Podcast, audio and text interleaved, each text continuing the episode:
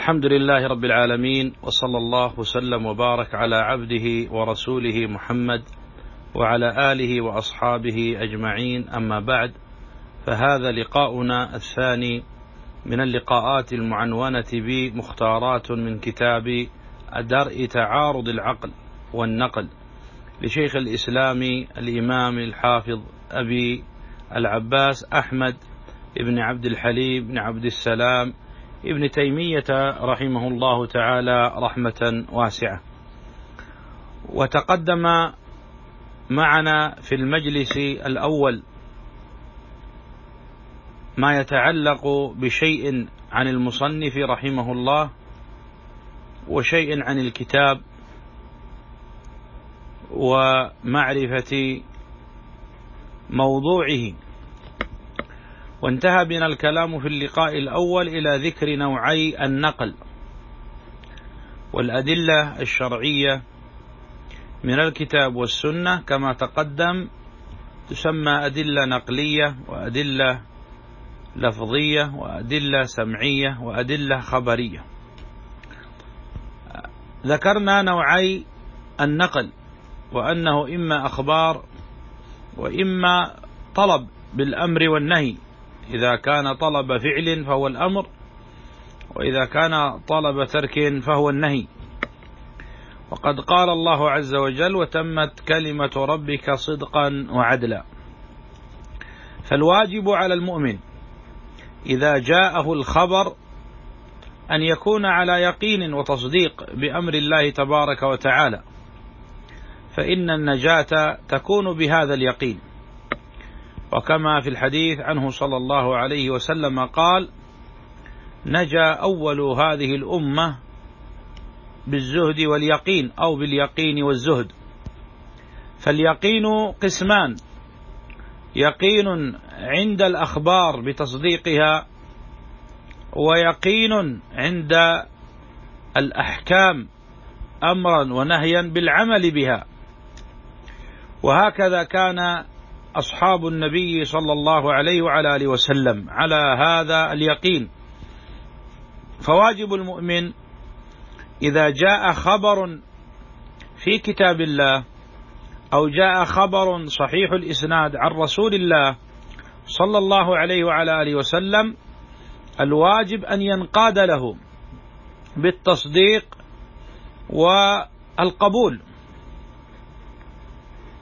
وألا يعارضه برأيه ولا بعقله إذا لم يحتمل عقله ذلك الخبر الصحيح. فليس في الشرع ما تحيله العقول وإن كان قد يرد ما تحار فيه العقول. أما أن تحيله العقول فهذا غير موجود.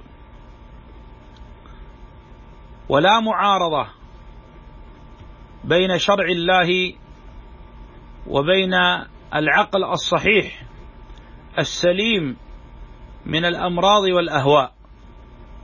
فإن العقل خلق الله والوحي والنقل أمره جل وعلا. ألا له الخلق والأمر. فلا تعارض بين خلقه وأمره. فالواجب الإذعان والتسليم. وكما, وكما قال الإمام أحمد رحمه الله تعالى كما في أصول السنة وليس في السنة رأي ولا قياس ولا يضرب لها الأمثال.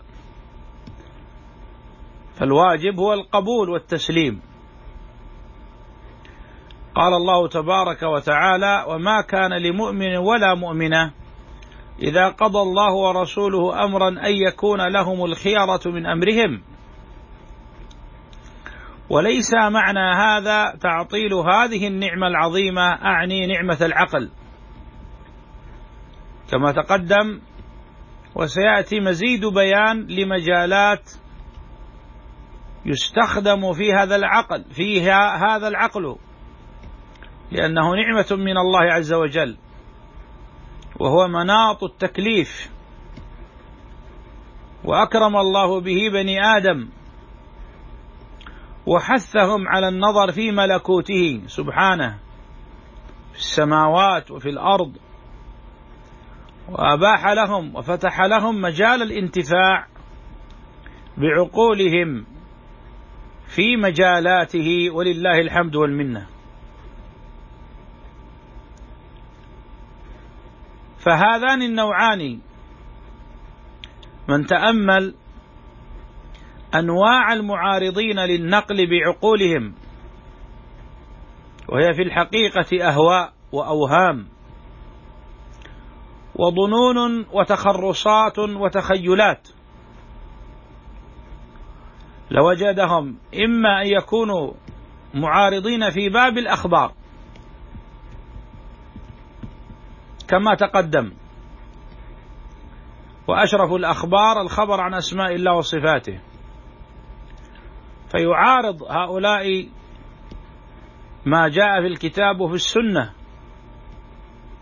ويدفعون في صدر الأدلة.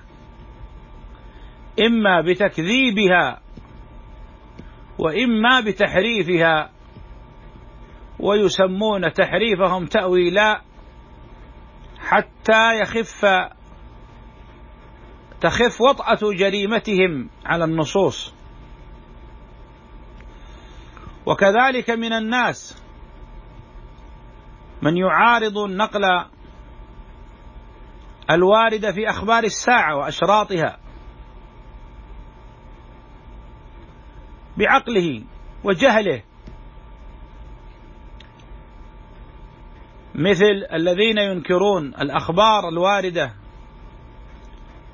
في المسيح الدجال الأخبار الواردة في المهدي المنتظر والأخبار الواردة في طلوع الشمس من مغربها والأخبار الواردة في يأجوج ومأجوج ونحوها من الأشراط العظيمة. فيكذبون بها أو يحرفونها تحريفا.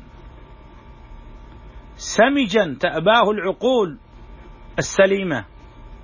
ولا يتفق مع الإيمان والتسليم والانقياد. وهكذا نوع آخر.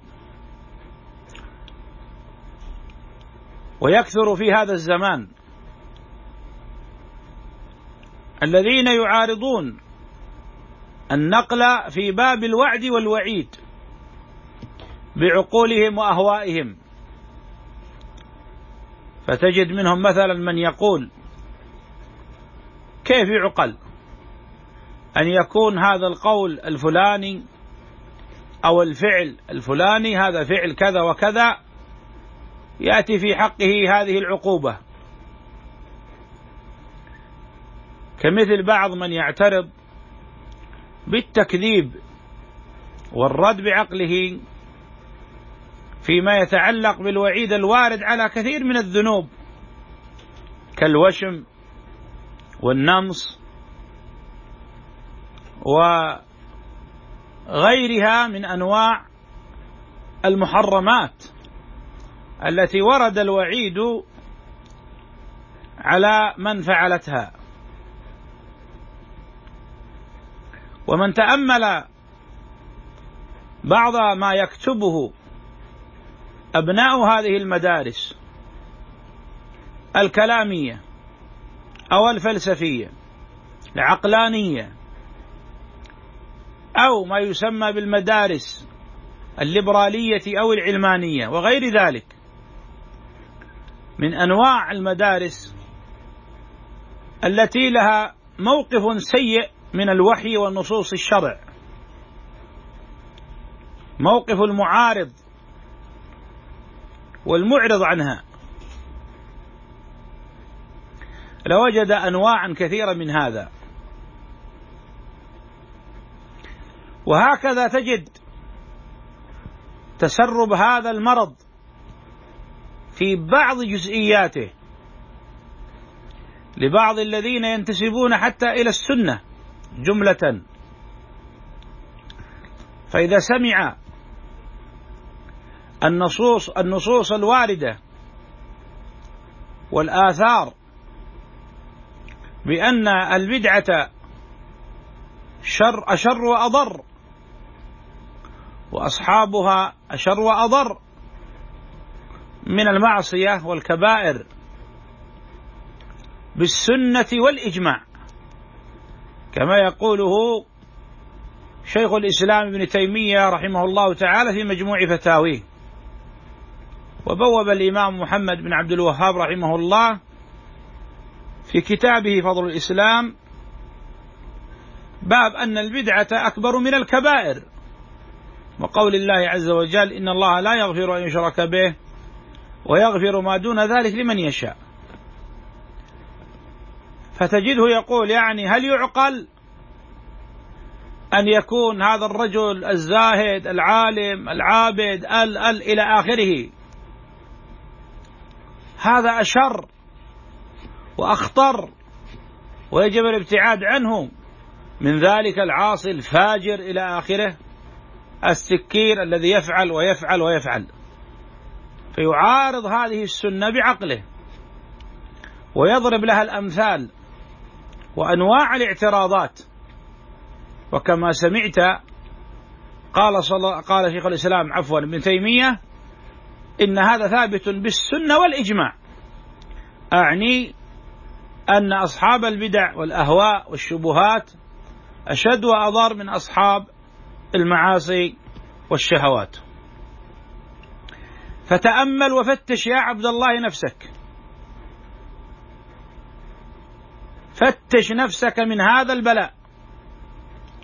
وانظر إن وجدت نفسك سليمة مسلمة لأمر الله وخبره ووعده ووعيده وأمره ونهيه سبحانه فاحمد الله.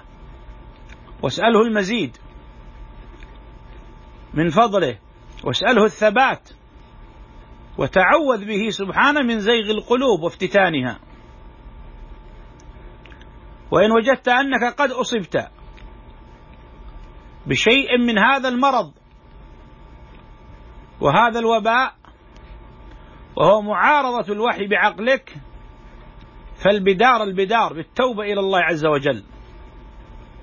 واعلم أن هذا الوحي من الله عز وجل خالقك وخالق عقلك وعقل غيرك. واعلم أنه قد قبلته وأذعنت له عقول هي أشرف وأزكى وأنظف وأنقى وأعلى من عقلك. فإياك والغرور. وإياك والتباهي بعقلك. تترك الوحي لعقل من؟ وتعارض الشرع بعقل من؟ وفي الحقيقة إن العقول السليمة لا تعارض ولا تعارض بين ما ورد في الشرع الحنيف وبين مقتضى تلك العقول السليمة. وإنما توجد المعارضات عند ذوي الأهواء والأغراض. وأول ما وجد من ذلك فيما قص الله علينا خبره معارضة إبليس أمر الله برأيه وقياسه. أأسجد لمن خلقت طينا؟ أنا خير منه خلقتني من نار وخلقته من طين. أرأيت هذا الذي كرمت علي لأحتنكن ذريته؟ حسده لما أكرم الله به آدم. ما منعك أن تسجد لما خلقت بيدي؟ فحسده لما أكرم الله به ابانا آدم. أظهره بصورة هذه الحجة العقلية والرأي والمقايسة وعارض أمر الله. فكان من المطرودين والمنظرين. وهكذا على مر التاريخ تجد من تلامذة إبليس على تفاوت بينهم في مقدار ما ورثوه من معارضة وحي الله خبرا أو أمرا وشرعا بالعقول والآراء والأهواء. وهذا من أعظم ما تفسد به الأديان وتخرب به البلدان وتضعف به ديانة الناس. وهذا زمانك كم عورضت نصوص السمع والطاعة لولاة أمر المسلمين في المنشط والمكره والعسر واليسر والأثرة. والنصوص الآمرة بالصبر عليهم وإن جاروا كم عارضها أهل الأهواء بعقولهم وآرائهم وفلسفاتهم. فشقوا هم وأشقوا من تبعهم وكانوا سببا لدمار المجتمعات والبلدان. فحرفوا في الدين وأضروا بالقلوب أيما ضرر أو إضرار وأفسدوا فيها. ففسدت أعمال أصحابها وتصوراتهم وتصرفاتهم في مجتمعاتهم فكانوا سببا للشقاء على أمتهم وأوطانهم وشعوبهم وحكوماتهم. كل هذا الشر بسبب معارضة الشرع والوحي بالعقول. نسأل الله جل وعلا أن يحفظنا وإخواننا وأحباءنا والمسلمين من هذا البلاء.